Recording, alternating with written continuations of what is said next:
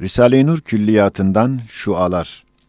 Müellifi Bediüzzaman Said Nursi.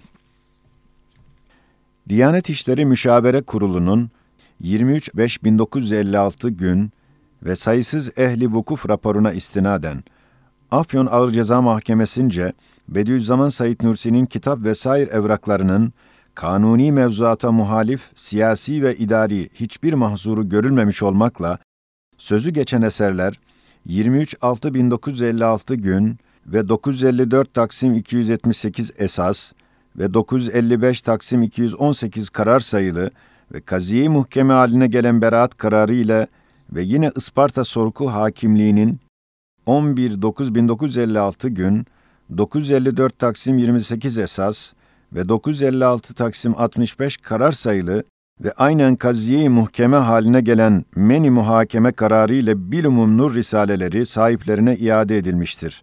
Her hakkı mahfuzdur.